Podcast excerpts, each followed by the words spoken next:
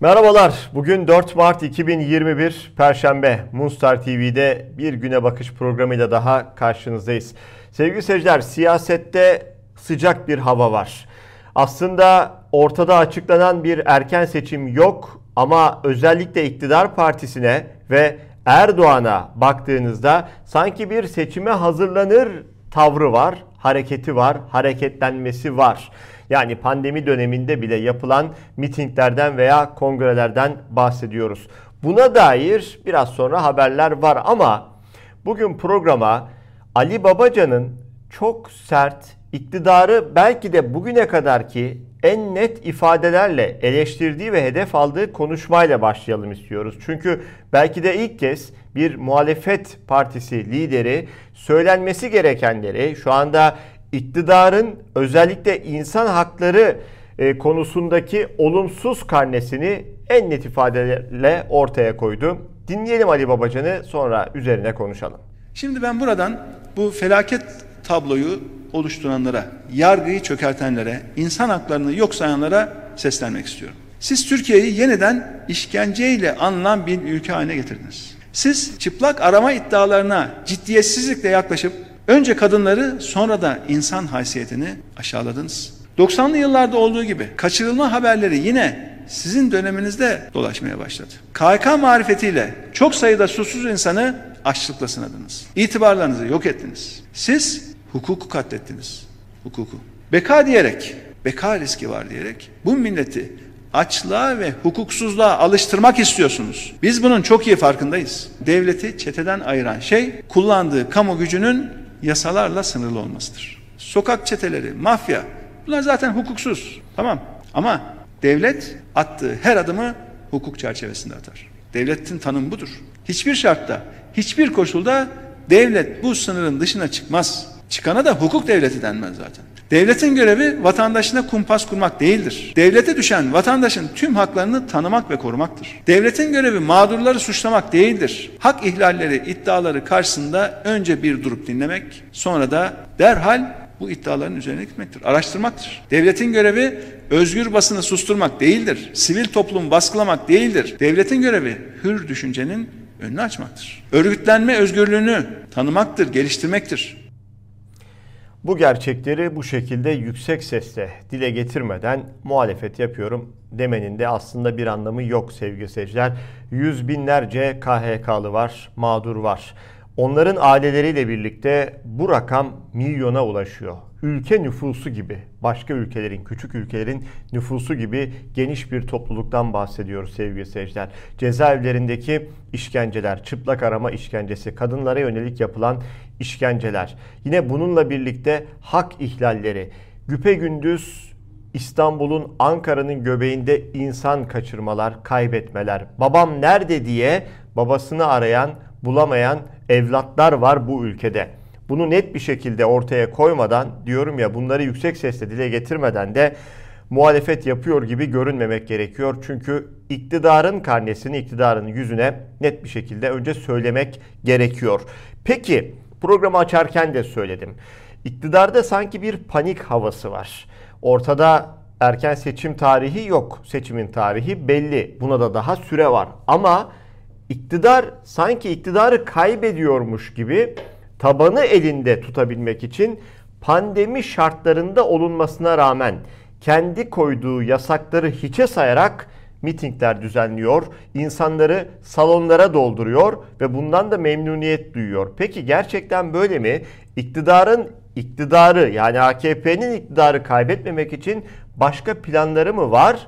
İşte buna dair dikkat çeken bir analiz. Son 3 ayda ondan fazla anket şirketi sonuçlarını yayımladı.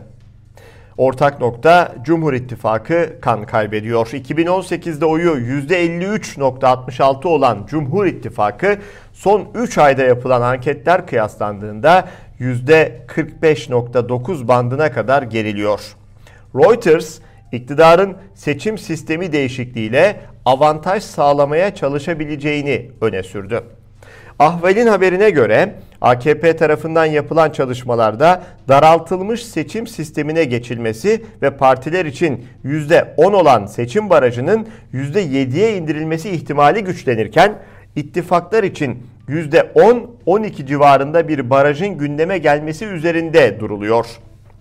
Cumhurbaşkanı Tayyip Erdoğan da hukuk reformunu açıklarken demokratik katılımı geliştirmek için siyasi partiler ve seçim mevzuatında değişim yapmak üzere kapsamlı bir çalışmayı başlatıyoruz sözleri olası bir seçim dönemine ilişkin olarak yapılacak düzenlemeleri işaret ediyor. İsmini vermeden Reuters'a konuşan bir AKP'li yetkili daraltılmış seçim sisteminin çok önemli fark yaratabileceğine işaret ediyor. Yetkililere göre AKP son dönemde yapılan genel seçimlerde herhangi bir soru işareti olduğunu gördüğünde ilk olarak gündeme daraltılmış seçim bölgesi uygulamasını getiriyordu ama resmi olarak TBMM'ye hiç sunmamıştı. Çünkü bir şekilde seçimi kazanabileceği bir ortam yarattığını düşündü. O AKP'li yetkiliye göre büyük illerden örneğin İstanbul 3 bölgeden 30'a çıkabilir. Ankara 2'den 6 8'e çıkabilir. İzmir 5 6'ya çıkabilir. AKP bu sistem olursa daha fazla milletvekili çıkarabilir diye düşünüyor. Bir dikkat çeken açıklama geldi Cumhurbaşkanı Recep Tayyip Erdoğan'dan. O açıklamanın hedefinde CHP var. Evet gerçekten çarpıcı bir açıklama. Erdoğan ne diyor? CHP diye bir partiye bu ülkede yer yok diyor. O kadar iddialı bir açıklama ki şöyle diyor Erdoğan. Türkiye'nin geleceğinde bu zihniyeti, yapısı ve üslubuyla CHP diye bir partiye yer olmadığını görüyoruz diyor. Yani adım adım aslında zaten tek adam rejimi denilen şey tam da bu. E, muhalefeti de dizayn ediyor eleştirilerinin odağında oluyor biliyorsunuz Erdoğan zaman zaman. Aslında bunu saklamıyor. Net ifadelerle bunu kendisi de aslında bir şekilde itiraf ediyor e, bu ülkede CHP diye bir partiye yer yok ne demek mesela? E, ülkenin ana muhalefet partisi, ikinci parti, milyonlarca oyu olan parti. Yani milyonlarca insan, milyonlarca seçmen bu partiyi e, destekliyor. Peki CHP zihniyeti veya CHP'ye gerek yok dediğinizde ne yapıyorsunuz? Ülkedeki milyonlarca insanı da aslında yok saymış oluyorsunuz. İşte tek adam rejimlerinin tam da istediği e, ortam bu ya da tablo bu diyebiliriz net bir şekilde. Şimdi bunun daha da enteresanı sevgili seyirciler bu sözlerin bunlar söylenirken bir yandan da aynı anda yani eş zamanlı olarak Erdoğan'ın insan haklarından bahsetmesi, reformdan bahsetmesi, hukuk reformundan bahsetmesi, hatta bunun e, böyle bir müjde gibi kamuoyuna sunulması. Bakın bu durum HDP, HDP tarafından nasıl eleştirildi? Evet mevcut rejim bir salonda ezeriz, yıkarız, geçeriz diye konuşurken bir başka salonda insan hakları hikayesi anlatıyor. Çerçi gibi hem faşizm satarım, hem popülizm satarım, hem de biraz demokrasi satarım diyor aslında. Aynı gün belediye basıp halkın iradesini gasp ediyor. Ortağı ülkenin en büyük üçüncü partisine kapatın, açtırmayın bir daha çağrısı yan salonda yapmaya devam ediyor. Ve kendisi de vekilliklerin düşürülmesine dair eller kalkar iner diyor. Şunu söylemek istiyorum. AKP Genel Başkanı bir kürsünün başına geçip insan haklarında çağ atladık diyor. Sanki paralel evren, e, evrenler belgeseli. AYM ve AYM kararlarını uygulamayan, hukuksuzlukta ısrar eden bir iktidar şimdi insan hakları eylem planı açıklıyor. Açıkladığı saatlerde Diyarbakır'da Mebiyeder yöneticisi 14 kişiden 13'ünün 11'inin gözaltı süresi uzatıldı. İki tane kadın, anne, biri 71 yaşında Hatun Aslan tutuklandı. 79 yaşındaki Meryem Soylu da tutuklandı. Aynı saatlerde bunlar cereyan ediyor. Peki bu durum 11 ilkeden acaba hangisine giriyor? Bunu eylem planını açıklayanlar biliyor mu? AKP 19 sene sonra sevgili seyirciler insan hakları kavramıyla tanışmış olabilir ama Durum öyle değil. Yani AKP'nin söylemiyle eylemi arasında 180 derecelik bir zıtlık var. İşte bir örnek. Evet o örnek sıcak bir örnek. Bakın ekranlarda bir öğrenciyi görüyorsunuz. Üniversite öğrencisi. Boğaz içine atanan biliyorsunuz AKP'li kayyum rektöre karşı birçok yerde eylemler düzenlenmişti. Boğaziçi Üniversiteli öğrencilere farklı üniversitelerden de destekler gelmişti. O destek verenlerden biri de İstanbul Üniversitesi öğrencisi Şilan Delipaltay'dı.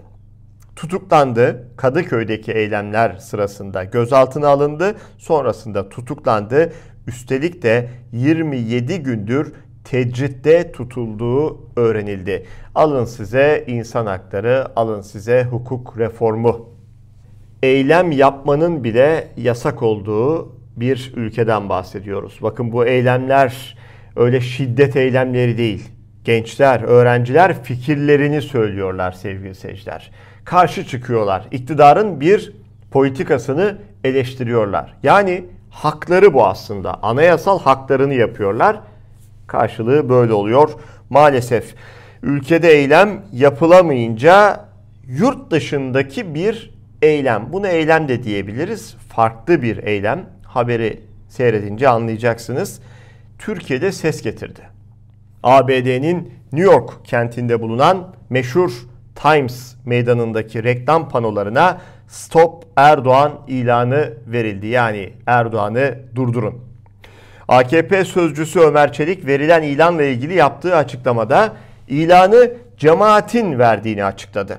Çelik şöyle diyor: FETÖ terör örgütü Türkiye düşmanı bir ihanet şebekesidir. FETÖ Türkiye'ye düşmandır. Bu nedenle Cumhurbaşkanımıza düşmandır. Bu ihanet şebekesi New York'ta Stop Erdoğan başlıklı yalan dolu ilanlarla Sayın Cumhurbaşkanımızı hedef olarak ihanetlerine yeni bir sayfa ekledi dedi. Bu açıklamanın hemen ardından da Ankara Cumhuriyet Başsavcılığı Stop Erdoğan ilanını verenler hakkında soruşturma başlattığını duyurdu. Bu yapılan doğrudur veya yanlıştır demiyorum ben. Birlikte düşünelim sizlerle değerli seyirciler. Mesela böyle bir ilanın Taksim Meydanı'nda verildiğini düşünebiliyor muyuz? Veya böyle bir ilan Erdoğan'ın eleştirildiği bir ilan Taksim Meydanı'nda, Ankara'nın göbeğinde, başkentte, İstanbul'da verilse mesela ne olurdu? Yapabiliyor muyuz bunu mesela? İşte bu yapılamıyor. Bu yapılamadığı için de e, farklı bir yerde, farklı bir ülkede yapılan bu eylem anında bir tırnak içinde söyleyelim terör faaliyeti gibi iktidar partisi tarafından lanse ediliyor. Oysa buranın bu eylemin yapıldığı adres ABD. Öyle sert eleştirilerle kendi başbakanları, e, kendi başkanlarını dahi e, eleştiriyorlar ki bu ülkede insanlar. Ee, önceki başkan Trump hakkında neler neler yapılıyor, neler neler yapılıyor. Yani bunun e, hatta Türkiye'de olsa çok ağır hakaret diyebileceğiniz ifadeler e, ABD'de ABD'li başkanlara yönelik yapılıyor. Haliyle de şu eylem ABD şartlarında düşündüğünüzde elbette ki demokratik bir eylem olarak karşımıza çıkıyor. Ama şunun aynısını alıp Taksim Meydanı'nda yapmaya kalkarsanız terör örgütü üyeliğinden yargılanır. Minimum 6 yıl 3 ay hapis cezasına çarptırılırsınız. Evet işte programın başından beri aslında aynı vurguyu yapıyoruz. Altını çiziyoruz sürekli sevgili seyirciler. İktidarın eylemleriyle söylemleri birbirini tutmuyor. Bir yandan demokrasi diyor, bir yandan insan hakları diyor, bir yandan hukuk reformu diyor ama en küçük eleştiriye dahi tahammülü olmayan bir iktidardan bahsediyoruz. Hala hala öğrenciler o kayyum rektörü eleştirdikleri için bugün hala cezaevinde yatmaya devam ediyorlar. Bakın buna somut verilerle biraz daha desteklemiş olalım. Yani AKP iktidarıyla birlikte Türkiye özellikle insan hakları ve ifade özgürlüğü konusunda nereden nereye geriledi? Freedom House'un raporu. Evet Freedom House Dünya Özgürlük Haritası 2020 sevgili seyirciler. Türkiye 195 ülkenin bulunduğu özgürlük sıralamasında 146. sırada. Bakın altını çiziyorum. 195 ülkeden 146. sırada. Yani dibin dibine gerilemiş durumdayız. Demokrasi, özgürlük ve insan hakları konularında araştırmalar yapan sivil toplum örgütü biliyorsunuz Freedom House. 2020 raporunda da yine Türkiye özgür olmayan ülkeler kategorisinde yer aldığı. Orada renkleri görüyorsunuz. Üç farklı renk var. O yeşille gördüğünüz renkler, ülkeler özgür ülkeler. Ki bunların başında hemen işte Avrupa göze çarpıyor. Özellikle Kuzey, İsveç, Norveç, Finlandiya, Danimarka. Buralar zirve özgürlük konusunda yeşille gösteriliyor. Sarı ile gösterilenler kısmen özgür olan ülkeler ve o mor renk, mor mu lila mı artık ne derseniz deyin. İşte Türkiye de bunların arasında özgür olmayan ülkeler. Yani Türkiye'nin şöyle haritaya baktığınızda ligini hangi ligde yer aldığını çok net bir şekilde görüyorsunuz.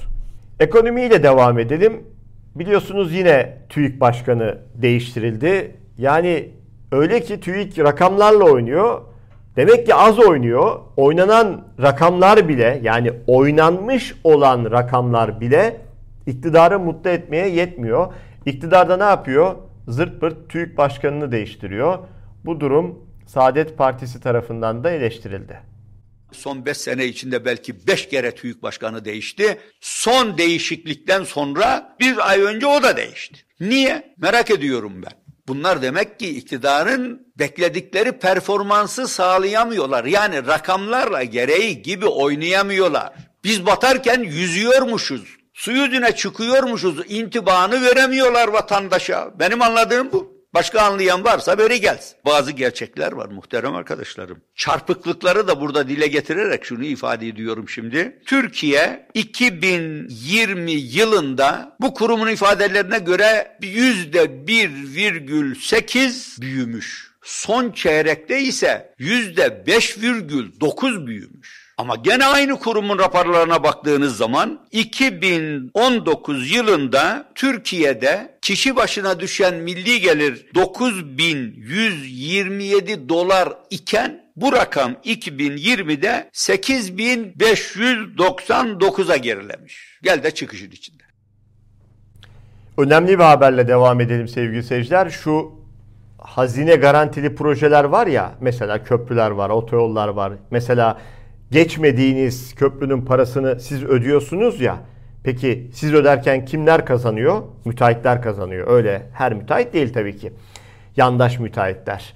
Yani iktidarın ihaleleri verdiği müteahhitler. Onlar oturdukları yerden kazanıyorlar. Çünkü projeler devlet garantili.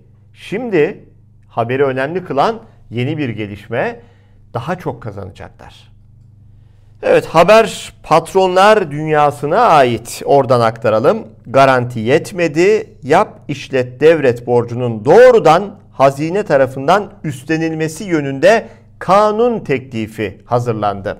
Yani müteahhitlerin döviz borcu da halka yıkılacak. Yasa çıkarsa bugüne kadarki birçok şirketin 17.2 milyar dolarlık 127 milyar Türk lirası ediyor bu rakam borcunu üstlenmek zorunda bırakılan hazineye 50 milyar liralık yeni borç yükü bineceği tahmin ediliyor. Tabii ki kanun teklifini hazırlayan iktidar partisi yasalaştığı takdirde halka daha fazla yük, müteahhitlere de daha fazla gelir kapısı olacak bu iş. Bir düşüş seyrindeydi dolar Türk lirası karşısında ama yeniden uçuşa geçti. Döviz kurlarındaki yükseliş hareketi bugün de devam ediyor. Dün piyasaların kapanışına doğru 7.45 seviyelerine dayanan dolar TL bugün 18 Ocak'tan bu yana ilk kez 7.50 seviyesinin üzerine çıktı. Euro ise 9.05 liraya kadar ulaştı.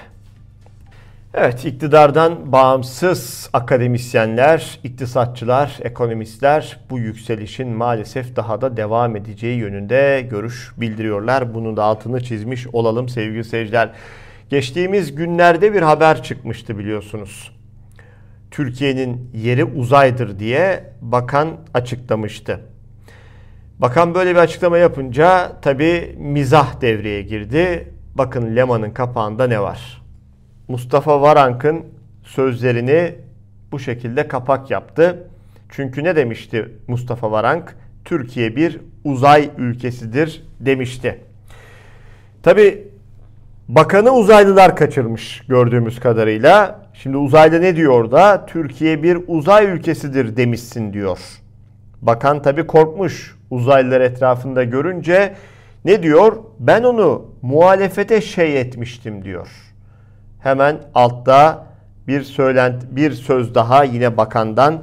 Abi beni geri bırakırsanız sarayın oraya bir yerlere diyor. Evet.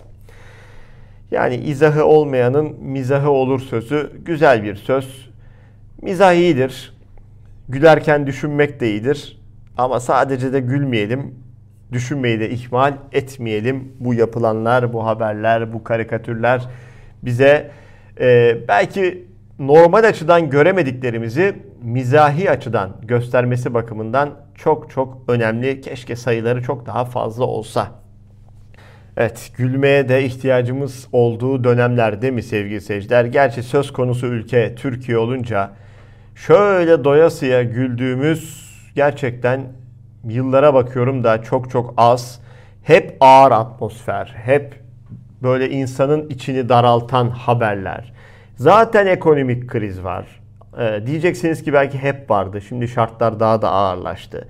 Zaten son dönemlerde tamamen demokrasiden, insan haklarından, özgürlüklerden kopan, uzaklaşan bir iktidar var. Her geçen gün baskısını arttırıyor. Sokakta röportaj yapanın bile anında ertesi gün evinin basıldığı bir ortam. Düşünsenize Türkiye'nin en iyi üniversitesinin öğrencileri haklarını aramak için sokağa çıkıyorlar. Üniversitelerini savunuyorlar. Evleri sanki bir teröristmişçesine basılıyor. Şafak vakti kapıları kırılıyor. Makinalı tüfeklerle polisler evlere giriyorlar. Marifetmiş gibi bunları kamerayla çekiyorlar ve basına servis ediyorlar. O öğrenciler gözaltına alınıyorlar ve tutuklanıyorlar. Çok ağır gündemler bunlar sevgili seyirciler. Özellikle yurt dışından baktığınızda, Avrupa'dan baktığınızda biraz da insan haklarının olduğu bir ülkede yaşıyorsanız iki ülkeyi böyle kıyaslayabiliyorsunuz. İşte İngiltere'deki haberleri seyrediyorsunuz. İsveç'teki haberleri seyrediyorsunuz. Türkiye'ye geçiyorsunuz. Böyle şaşkınlık içinde kalıyorsunuz. Akıl alır gibi değil. Ne diyelim? Ülkemiz çok çok çok daha iyisini hak ediyor. Çok daha iyisini hak ediyor. Umarım hak ettiği şekilde halkımız yönetilir en kısa zamanda. Evet bu haberle birlikte bugünün güne bakışını noktalıyoruz. Yarın bu ekranlarda biliyorsunuz e, her cuma olduğu gibi yine Profesör Eser Karakaş, Profesör İbrahim Öztürk ve Tarık Toros'la Özgür Düşünce programı olacak. Onu seyredebilirsiniz. Hoşçakalın.